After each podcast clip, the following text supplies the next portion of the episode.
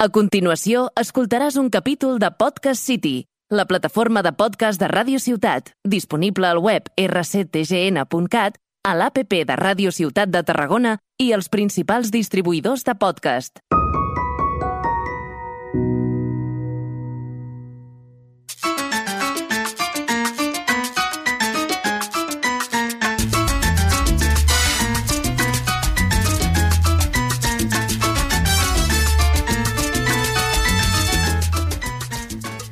Hola, hola, benvingudes i benvinguts un dia més al Piscolabis, el podcast del Cultius Culturals. Avui, bueno, aviam, eh, portem una mica de trezzo.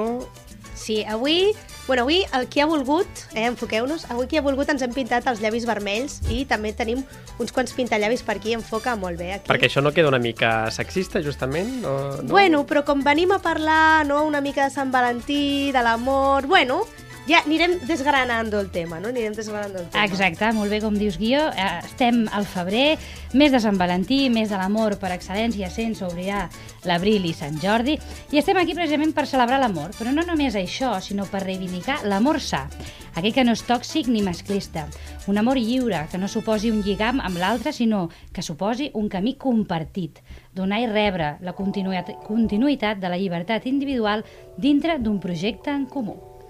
Molt ben dit, Maria, eh? I a més, eh, tenim una felicitació per la Maria. Vaya! No sé si, ho hem pogut, no sé si es pot dir, mira, bueno, mira. ara, ara lo vas a soltar, I ara lo voy a soltar. Bueno, que la Maria es casa, eh? Yes, yes! He caído, Ui, no. Moltes felicitats. Moltes gràcies, moltes gràcies. I... no res, venim a parlar de la Moog, eh? I avui, avui no ens pot acompanyar la Rosa, però avui l'estudi està molt ple, perquè avui som quatre persones. Exacte, doncs res, poseu-vos un elixir d'amor que mm. comencem.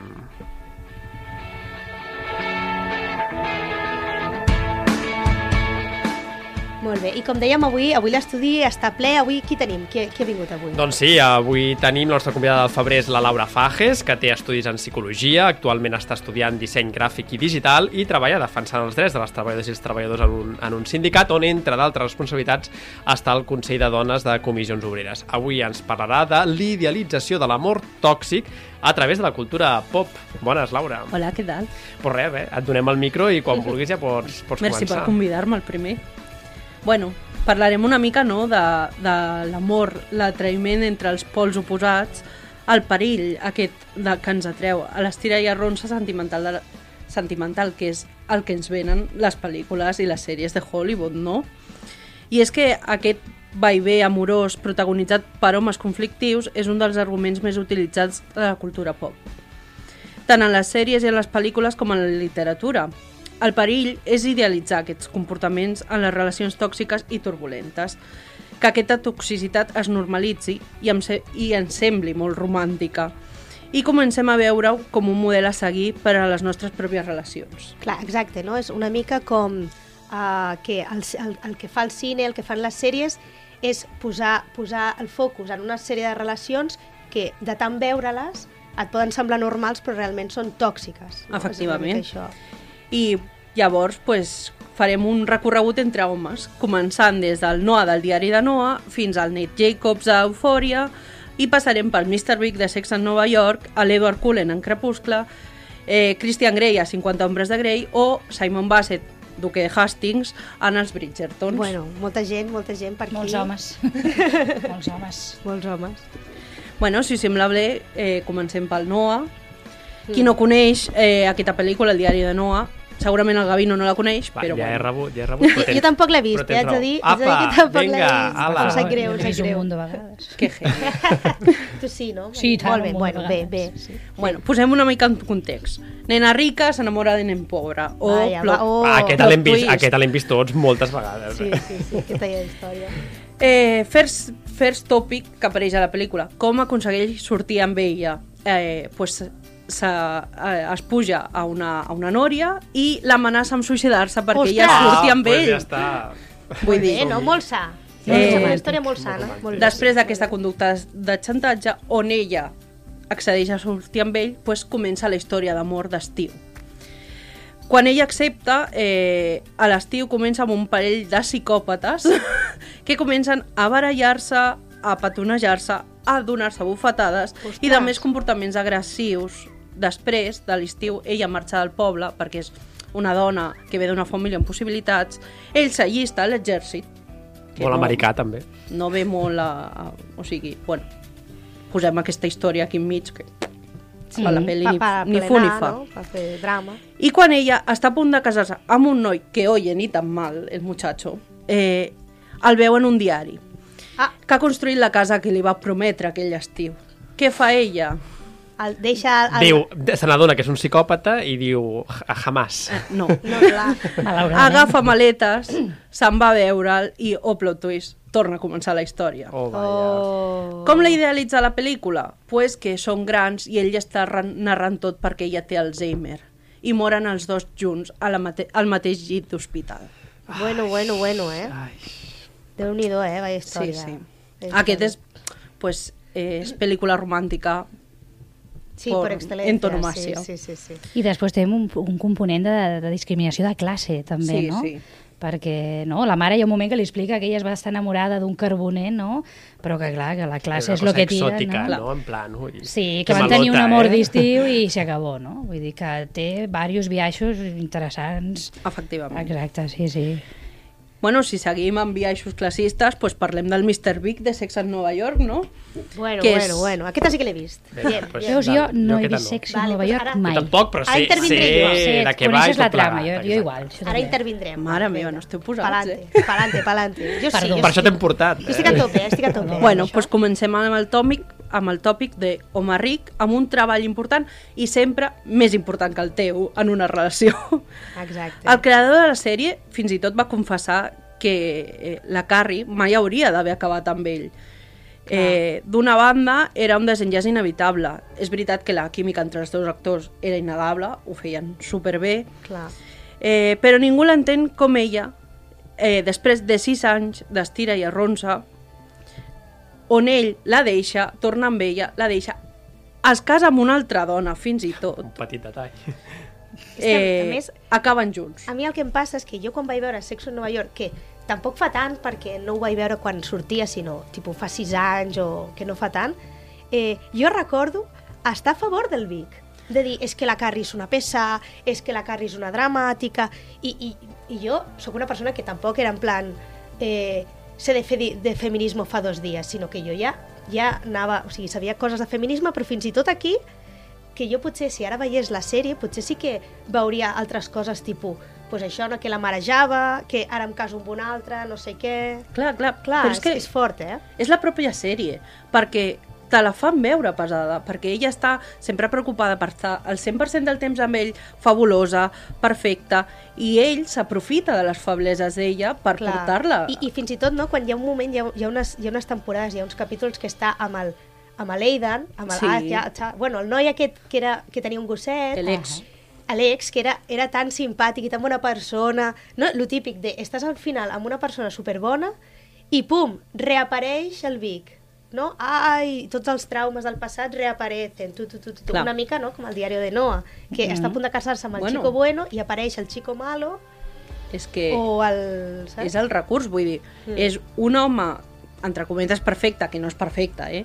que to, eh, tarda sis anys en adonar-se en que ets la dona de la seva vida. O sigui, moraleja, eh, si un tio després d'un any no s'ha adonat que ets la dona de la seva vida, mm, déjalo.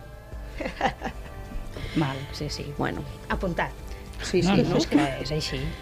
I parlant ja de... Bueno, per allà, 2008, arribava un dels fenòmens que s'ha vist poques vegades. Una altra saga de novel·les i pel·lícules es tornava pràcticament una religió. I aquí vull introduir l'Edward Cullen. Mm, crepúsculo. Les encarregades, i uns quants encarregats, de que això succeís van ser les adolescents de llavors, els qui van aconseguir en un, que una de les franquícies més incòmodes i absurdes de tots els temps es posicionés com la història de vampirs adolescents per excel·lència. Jo mateixa era una de les fans de la saga. Vaja. Jo també, eh? Vull dir, Vinga, i no me n'amago perquè és que en aquell moment no, no. no podies viure... Bueno, aviam, tenim més consciència ara, no?, que som més grans. En aquell moment no estàvem tan construïdes. Jo vivia enamorada d'aquesta saga. Era més Tim Jacob que Tim Edward, Ah, però, però. Ah, entonem el mea culpa, no, Maria? Sí, sí, sí, totalment. Però era més bon noi, no? Bueno, jo no, jo no ho vaig llegir mai i vaig veure només la primera, però no? que el, el, el Jacob era més bona persona, o no? Bueno, o tampoc? a les primeres sí. Ah, després ja no, després se lia. Després, vale, fal, te falten datos, llavors. Em falten datos, em falten datos. sí, sí. Clar, entrem en un món una mica pervers, perquè la pròpia obra defensa i idealitza el control i l'acusament que exerceix l'Edward sobre la Bella, que anar a vigilar-la cada nit mentre es dorm és una conducta romàntica. Por, eh? que li espatlla el cotxe i prendre decisions per ella perquè és per la seva seguretat i Toma perquè ja. l'estima. Però no sol l'Edward.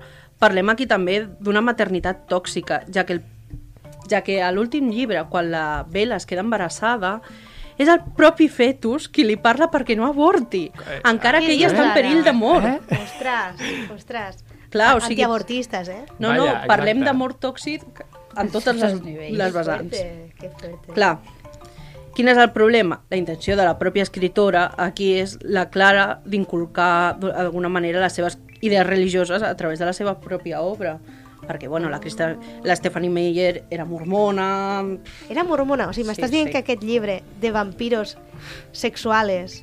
Sexuales. Sí, sí, però sexuals de, després del matrimoni. No, bueno, no hi ha cap sexe abans És de que es veritat, casin. És veritat, és veritat, és Home. veritat.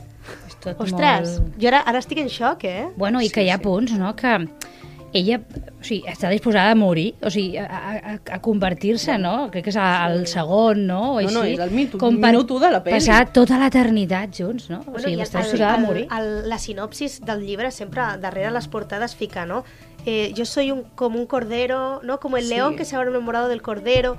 Vull dir, que I el al león final, se enamoró de la oveja. Això, Sí, vull dir sí. que el león, És que aquest el, el aquest león es menja l'ovella. ja- Vull dir, Bueno, És un depredador. Clar. Sí, És que parlem-ne. A mi un pavo als 5 minuts de conèixer em diuen soc un vampir, et puc assassinar i i patas pa que os quiero. Adiós. Exacte. No, no, la vela és... Vale, muérdeme. Oh, Pa'lante. I té aquella d'això de... Oh, quina pena que li va passar això, no? De cuidar-lo, Sí. no? De com ha patit, no? Bueno. Aquesta, que, oh, això de moltes Sí. dones que ens han inculcat de les cures, no? De tenir Bueno, de, compassió, no? estiga't amb mi, que jo, jo, jo, jo, et, Salvaré, cura, jo et salvaré, no? jo et canviaré... Això em ve molt bé per parlar del Christian Grey. Bueno, bueno, bueno. Com 50 parlo jo? sombres, jo això no, no, no ho he vist Sí. ni ho he llegit. Jo Eh? És La Maria està a tope, molt. 50 ombres de Grey i com parlo jo del Christian Grey sense caure a insultar-lo de manera gratuïta. Pues insultar, dona, insultar. No, ho resumiré molt ràpidament. Eh, qualsevol persona amb dos dits de front li hagués posat un ordre d'allunyament al Christian Grey per acusador. Per controlador, estem parlant d'una persona que compra l'empresa on ella treballa per tenir-la més vigilada. Què dice? Sí, sí. A més, Els rics, utilitzen... eh? Així lliguen els utilitzen sí, sí. Utilitzen dos recursos. El Sí. primer, el que hem parlat ja de pobret, va tindre una infància de merda, doncs, Tali Pasqual. Tali Pasqual. Cuido, no? I el segon, que és posa un personatge molt pitjor que ell, que intenta violar la protagonista, per dir, oye, ni tan malo. Mare meva. Ole. Sí, sí. A És dura, de- eh? Aquesta, pe- o sigui, aquesta saga és dura perquè després hi ha tot el tema del no, del sadomasoquisme, no? Sí. del dolor, no? que t'ho pinten com que ella sempre té com la potestat de com de frenar-ho, no? però realment no, no té tanta llibertat No. com t'ho volen fer veure, no? Llavors és com... Bueno, és complicada, no? Una Al contrari, clar, o actual. sigui, el llibre és molt hardcore. El llibre eh, li fa firmar un contracte on ell decidirà quants cops al dia menja, què menja, quantes hores entrena al dia, té una assignada una paguita mensual... És molt Bé, és hardcore. altíssim. És- Però això per què? O sigui, qui, quin és... Ell ja és l'amo d'ella. És el seu Però això- amo. És, és això seu amo. És, ven la- ella a és la ro- propietat d'ell. Però ho ven com a romanticisme, l'autora. Clar, Com que és algú que es preocupa molt per tu. clar. I que canvia... Clar, Que és guai s'esclava, eh? temps. Com Oh, mola, no? eh? Sí, sí, és que És que el que fa la- l'autora és, a través dels llibres, canvia amb el temps. I canvia perquè t'estima, Canviar por Toma amor, no? La famosa frase. efectivament. Però qui canvia? Ell? Sí, clar. Ah, ell Tu canvia. no, vale, tu Vale. no. vale, vale. vale. I no sol això, tinc una dada molt curiosa. Sabeu que la saga 50 ombres de Grey va néixer d'un fanfic de Sí, Crepúsculo? això ho sabia, jo això ho sabia. No, jo això jo sí que ho sabia. sabia. Sí, sí, sí. Escrita un Blackberry. Ah, Oh! Sí? Mira. Lluís, estàs al cas d'això? M'acabes de sorprendre d'una manera... La va escriure una fanàtica de, de, de Crepúscul eh, al seu Blackberry, al bloc de notes, com un fanfiction de 50 ombres de Grey. Efectivament. Perdó, de, de, bueno, com un Sí, fanfiction. i, i, era, Sí, sí. i era la mateixa autora? O, Sí, sí, no, era la mateixa La autora. mateixa autora. Fort. Bueno, de fet, ara, eh, tu que ets més joveneta... Bueno, sí, Bueno, ho puc dir, no? tanto. Bueno, ets més joveneta. Perdó. Uh, ara ja com uh, les noies joves llegeixen uns... Wattpad. El Wattpad, que so, és una web en la que és com una mena de... de és una web on fiques fanfictions i llavors els, els fanfictions que tenen pues, que, que la gent els agrada molt o tenen molts likes o molts seguidors, els converteixen en llibres. Sí, sí, hi ha, hi ha autores que publiquen. Sí, sí. Déu-n'hi-do. sí, sí. Bueno, i ara, pues, com sóc més joveneta, com ha dit la Guió, parlarem Perdó, de les eh? dues últimes sensacions de Netflix i HBO.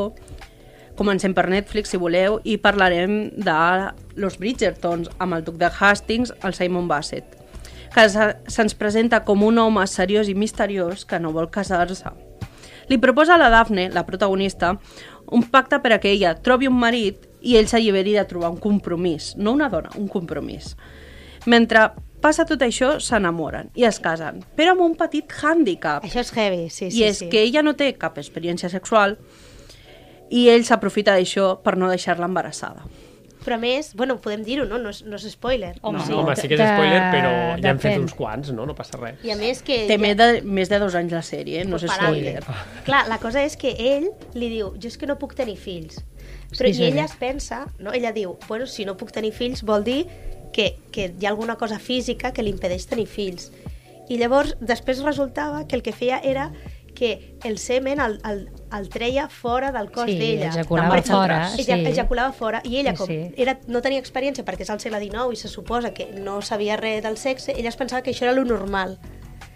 Fins que un, Ho no descobreix. pregunta a una, a, una, A una- a una treballadora que té o alguna Sí. així i bueno, es cabreja un munt perquè realment no és no puc tenir fills, és no vull tenir puc. fills. Amigo, sí, la no. cosa canvia. No vull tenir fills per una promesa que he fet al meu pare abans de morir perquè l'odio i dic que el legado de Hastings acabarà aquí.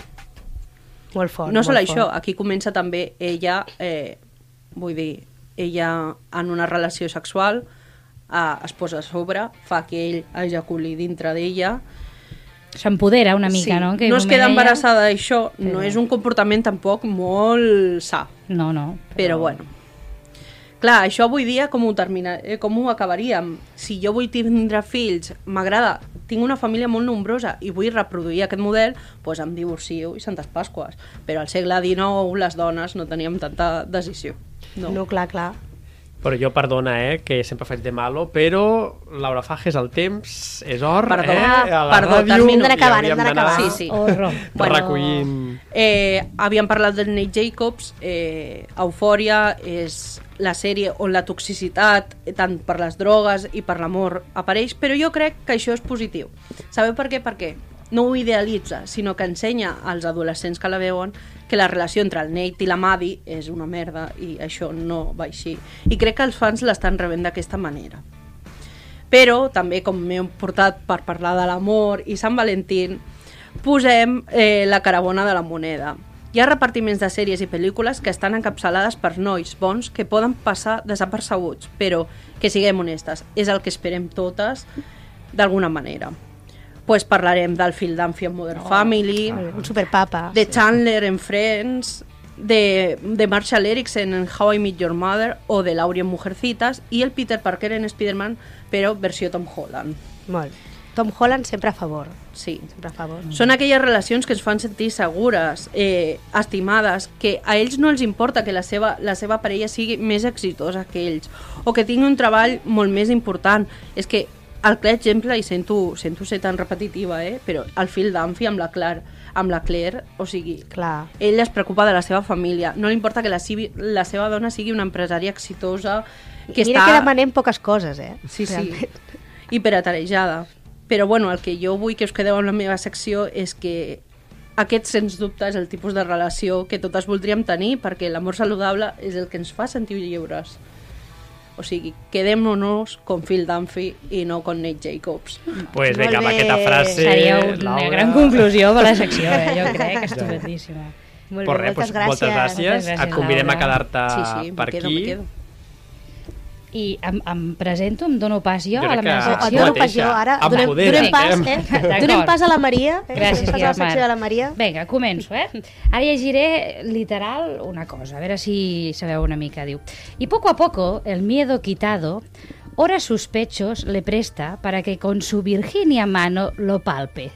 Ora los cuernos, para que guirnaldalzos impidan nuevas. Se atrevió también la reina virgen, ignorando de quién la montaba, en la espalda, sentarse encima del toro. Cuando el dios de la tierra y del seco litoral insensiblemente las faldas planta de sus pies a lo primero que pone de las ondas, allí más lejos y por superficies del mitad del ponto se lleva su botín. Se asusta ella y arranca a su litoral abandonando, vuelve a él sus ojos y con la diestra un cuerno tiene, la otra al dorso impuesta está, treméndulas ondulan con la brisa sus ropas. Què us sembla? Bueno, bueno, no? És, és un diàleg d'una d'aquestes sèries que ens ha parlat la Laura o què? Molt actual, és bastant no? Més actual. antic. Estem parlant de... És la descripció que fa el poeta Ovidi de la, i obro cometes, seducció que fa Zeus a Europa. Seducció, eh? Seducció entre cometes, sí? A veure, Lluís, posa'm la música ara una miqueta més forta. Que així em sento una mica més acompanyada. Gràcies.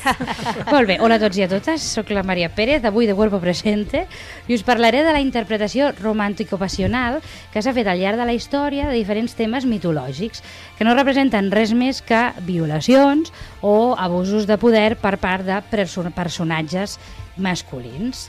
Llavors, per poder fer la secció, eh, he estat buscant diferents representacions mitològiques dintre del món de l'art, però m'han semblat com a molt interessants i bastant significatives un conjunt de pintures que es van anomenar les poesies del pintor del Renaixement italià, que jo crec que a tots ens sonarà, Tiziano Bechelli, eh? el tenim aquí molt present, que aquest conjunt de pintures anomenades les poesies les va fer exclusivament per les estances privades del rei Felip II la temàtica de les quals són, evidentment, escenes mitològiques. Eh, Tisià es va inspirar en una col·lecció prèvia que es deia Els amors de Júpiter, de Correggio, i eh, també es va inspirar en la metamorfosis d'Ovidi, que en aquest cas estem parlant d'un poema de 15 llibres que narra la història del món des de la seva creació fins a la deificació de Juli Cèsar, i on hi trobem una barreja de història però també de mitologia. Llavors, la totalitat de les pintures són sis, però com que sempre anem amb el temps és una mica més escuet, eh, parlaré de tres que són potser les més eh, significatives que es, veu, eh, aquestes, es veuen aquestes violacions. I segur que et faig un spoiler perquè Zeus segur que apareix. Pues evidentment, evidentment, Zeus barra Júpiter, depèn de quina mitologia vulguem eh, fer servir, sempre està pel mig i mai amb bones intencions. A veure, Lluís, si poguéssim projectar la imatge Perfecte, moltíssimes gràcies. Aquí tenim eh, la imatge que representa Danae rebent la pluja daurada.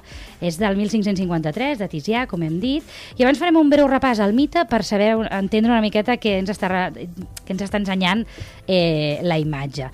Eh, Acrisi era rei d'Argos i era pare de Danae, va consultar un oracle, això que feien els antics, per saber una mica què els hi depararia el futur, i aquest oracle li va predir que moriria a mans del seu net. Què va fer eh, a Crisi? Pues per evitar-ho, va tancar la seva pròpia filla, Danae, en una torre, el que no va impedir de cap de les maneres que Zeus la, la visités no? en forma de pluja dorada i dugués a terme una acció de la qual ara eh, parlarem.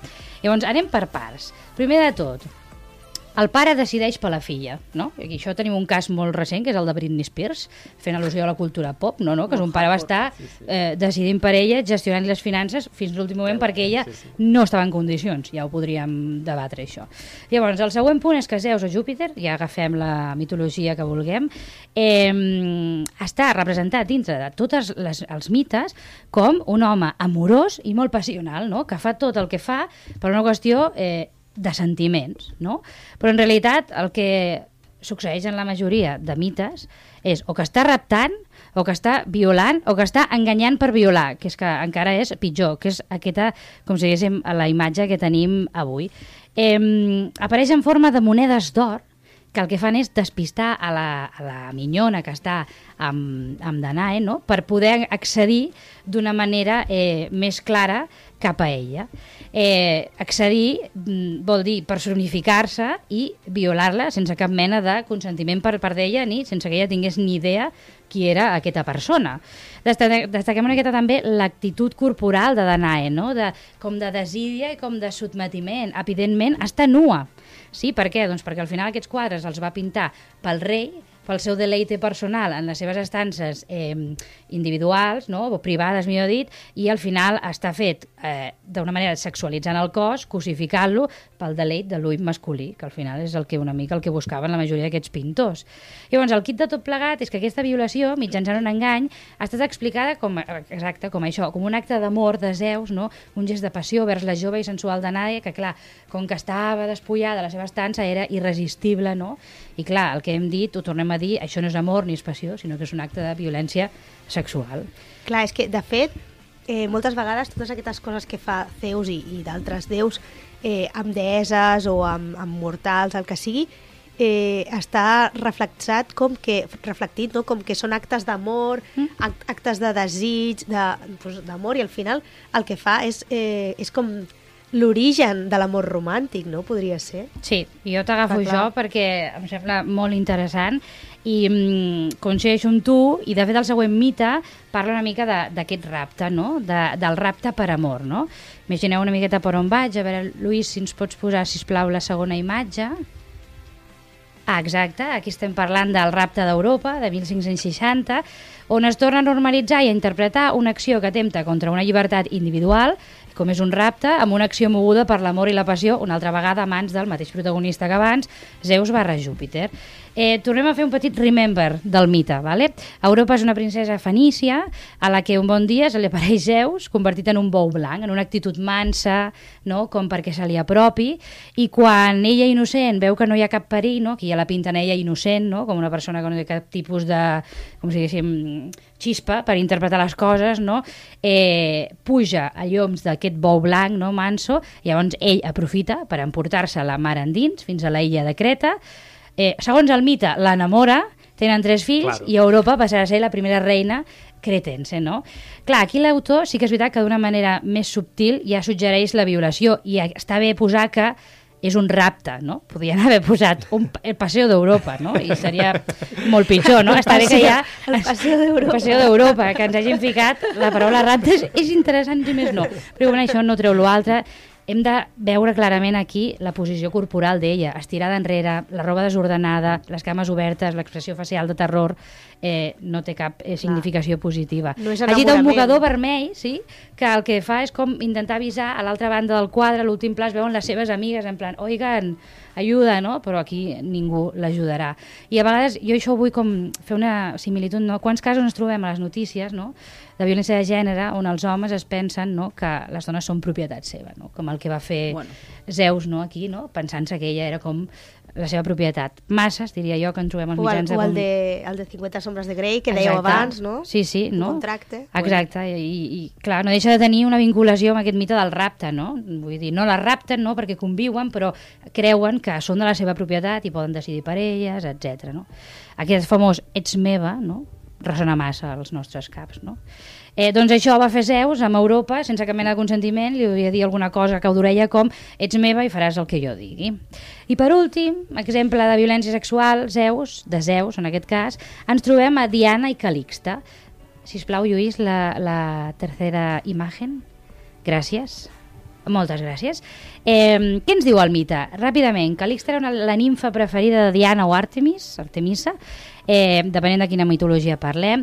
Per aquest motiu havia fet un vot de castedat. Sí? Zeus, una altra vegada, eh, en su, sus treces de persona violadora, i ho direm així ja clarament, eh, es disfressa en algunes versions del mite d'Apolo i en altres versions, com hem parlat abans amb la Laura, sí. es disfressa de la mateixa eh, Diana o Artemisa, és a dir, l'amiga no, de, sí, sí. de, de Calixta. No?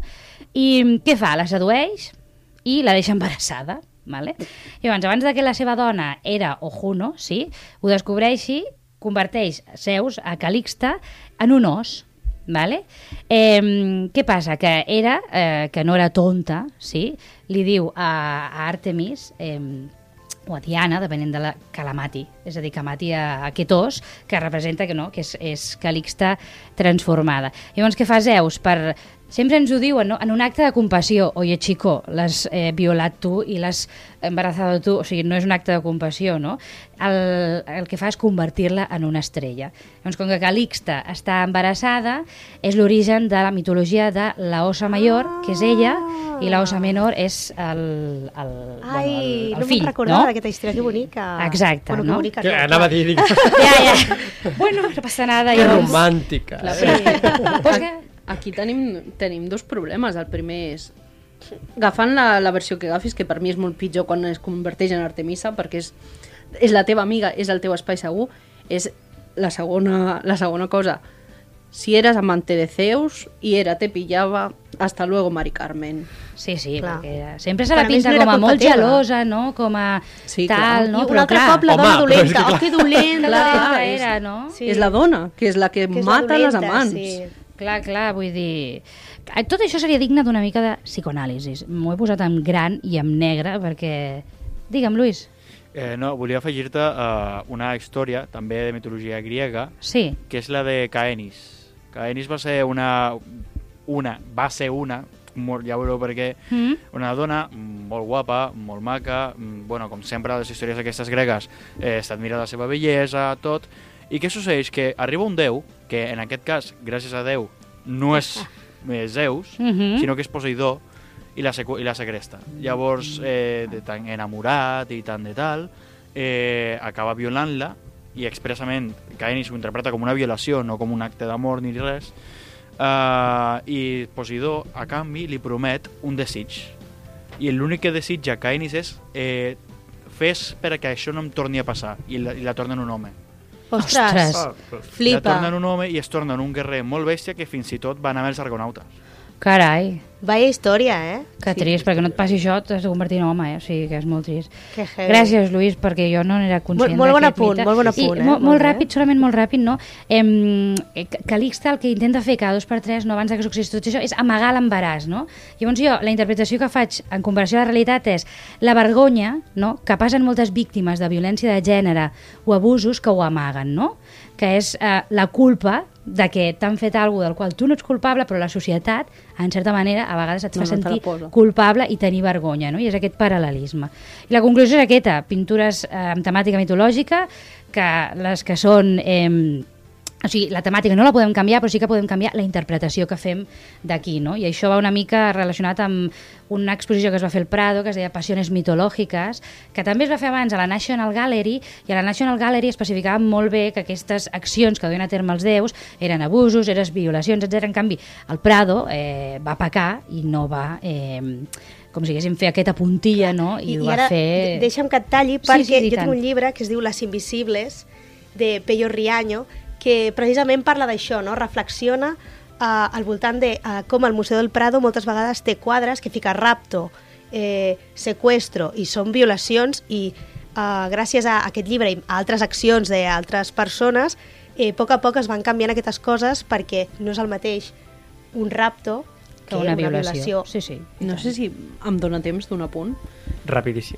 Va ser, eh, sabeu, el mite de Medusa, eh, Sí. Perseo amb el cap de Medusa. Fa un parell d'anys van fer l'estàtua contrària, Medusa amb el cap de Perseu, i la van posar davant del Met, a Nova York, i va susci- suscitar una quantitat de, comenta de comentaris masclistes dient que era vergonyós una estàtua d'una dona aguantant el cap tallat d'un home quan l'estàtua de Perseu Mm. aguantant el cap de Medusa. Està Lleva siglos, reproduïda... siglos i siglos. Sí, sí. Quantes versions n'hi ha? Clar. Moltíssimes. pues crec que amb això ja sí que haurem d'anar acabant, sí, sí. Amb, amb una cultura pop de fa milers d'anys i una actual que malauradament manté la mateixa temàtica. Per tant, moltes gràcies a la Laura per haver-nos eh, acompanyat avui. I abans de marxar, ja sé que anem tardíssim, però deixeu-me dir una última cosa, una última cosa. Bé, mig minut, em deixes mig minut? Vinga, que va, no va, va, va. Eh? Vale. Uh, sí, eh, no res, només eh, abans de marxar, de vegades aquests dies algun cop us hem anat fent uh, recomanacions culturals i avui voldríem recomanar-vos, eh, uh, ja ho sabeu que, no, que en alguns capítols ho fem, i Ah, bueno, que precisament vam estar, A que l'expo vam estar de, de, de, de, de Paul Klee vam Paul estar... Klee. Ah, exacte. convidats per la Fundació Joan Miró. Joan eh, Miró. Joan Miró, que de fet ens va acomiadar nosaltres i altres influències culturals, això es diu així? Sí, ara diuen prescriptors Exacte, culturals i com a prescriptors culturals us prescrivim museus, vale? i uh, ja ha acabat la expo perquè quan s'emeti aquest quan s'emeti aquest podcast ja estarà acabada.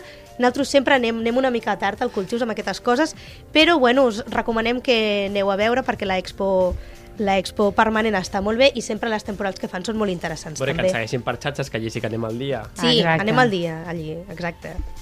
Molt bé, doncs nosaltres som la Guiomar, la Rosa, el Gavino i jo mateixa la Maria.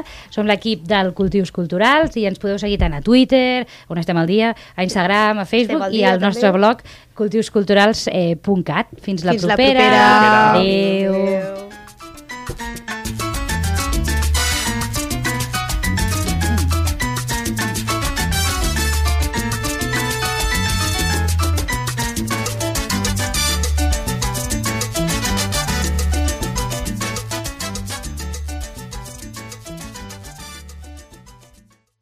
Has escoltat un capítol de Podcast City, la plataforma de podcast de Ràdio Ciutat, disponible al web rctgn.cat, a l'APP de Ràdio Ciutat de Tarragona i els principals distribuïdors de podcast.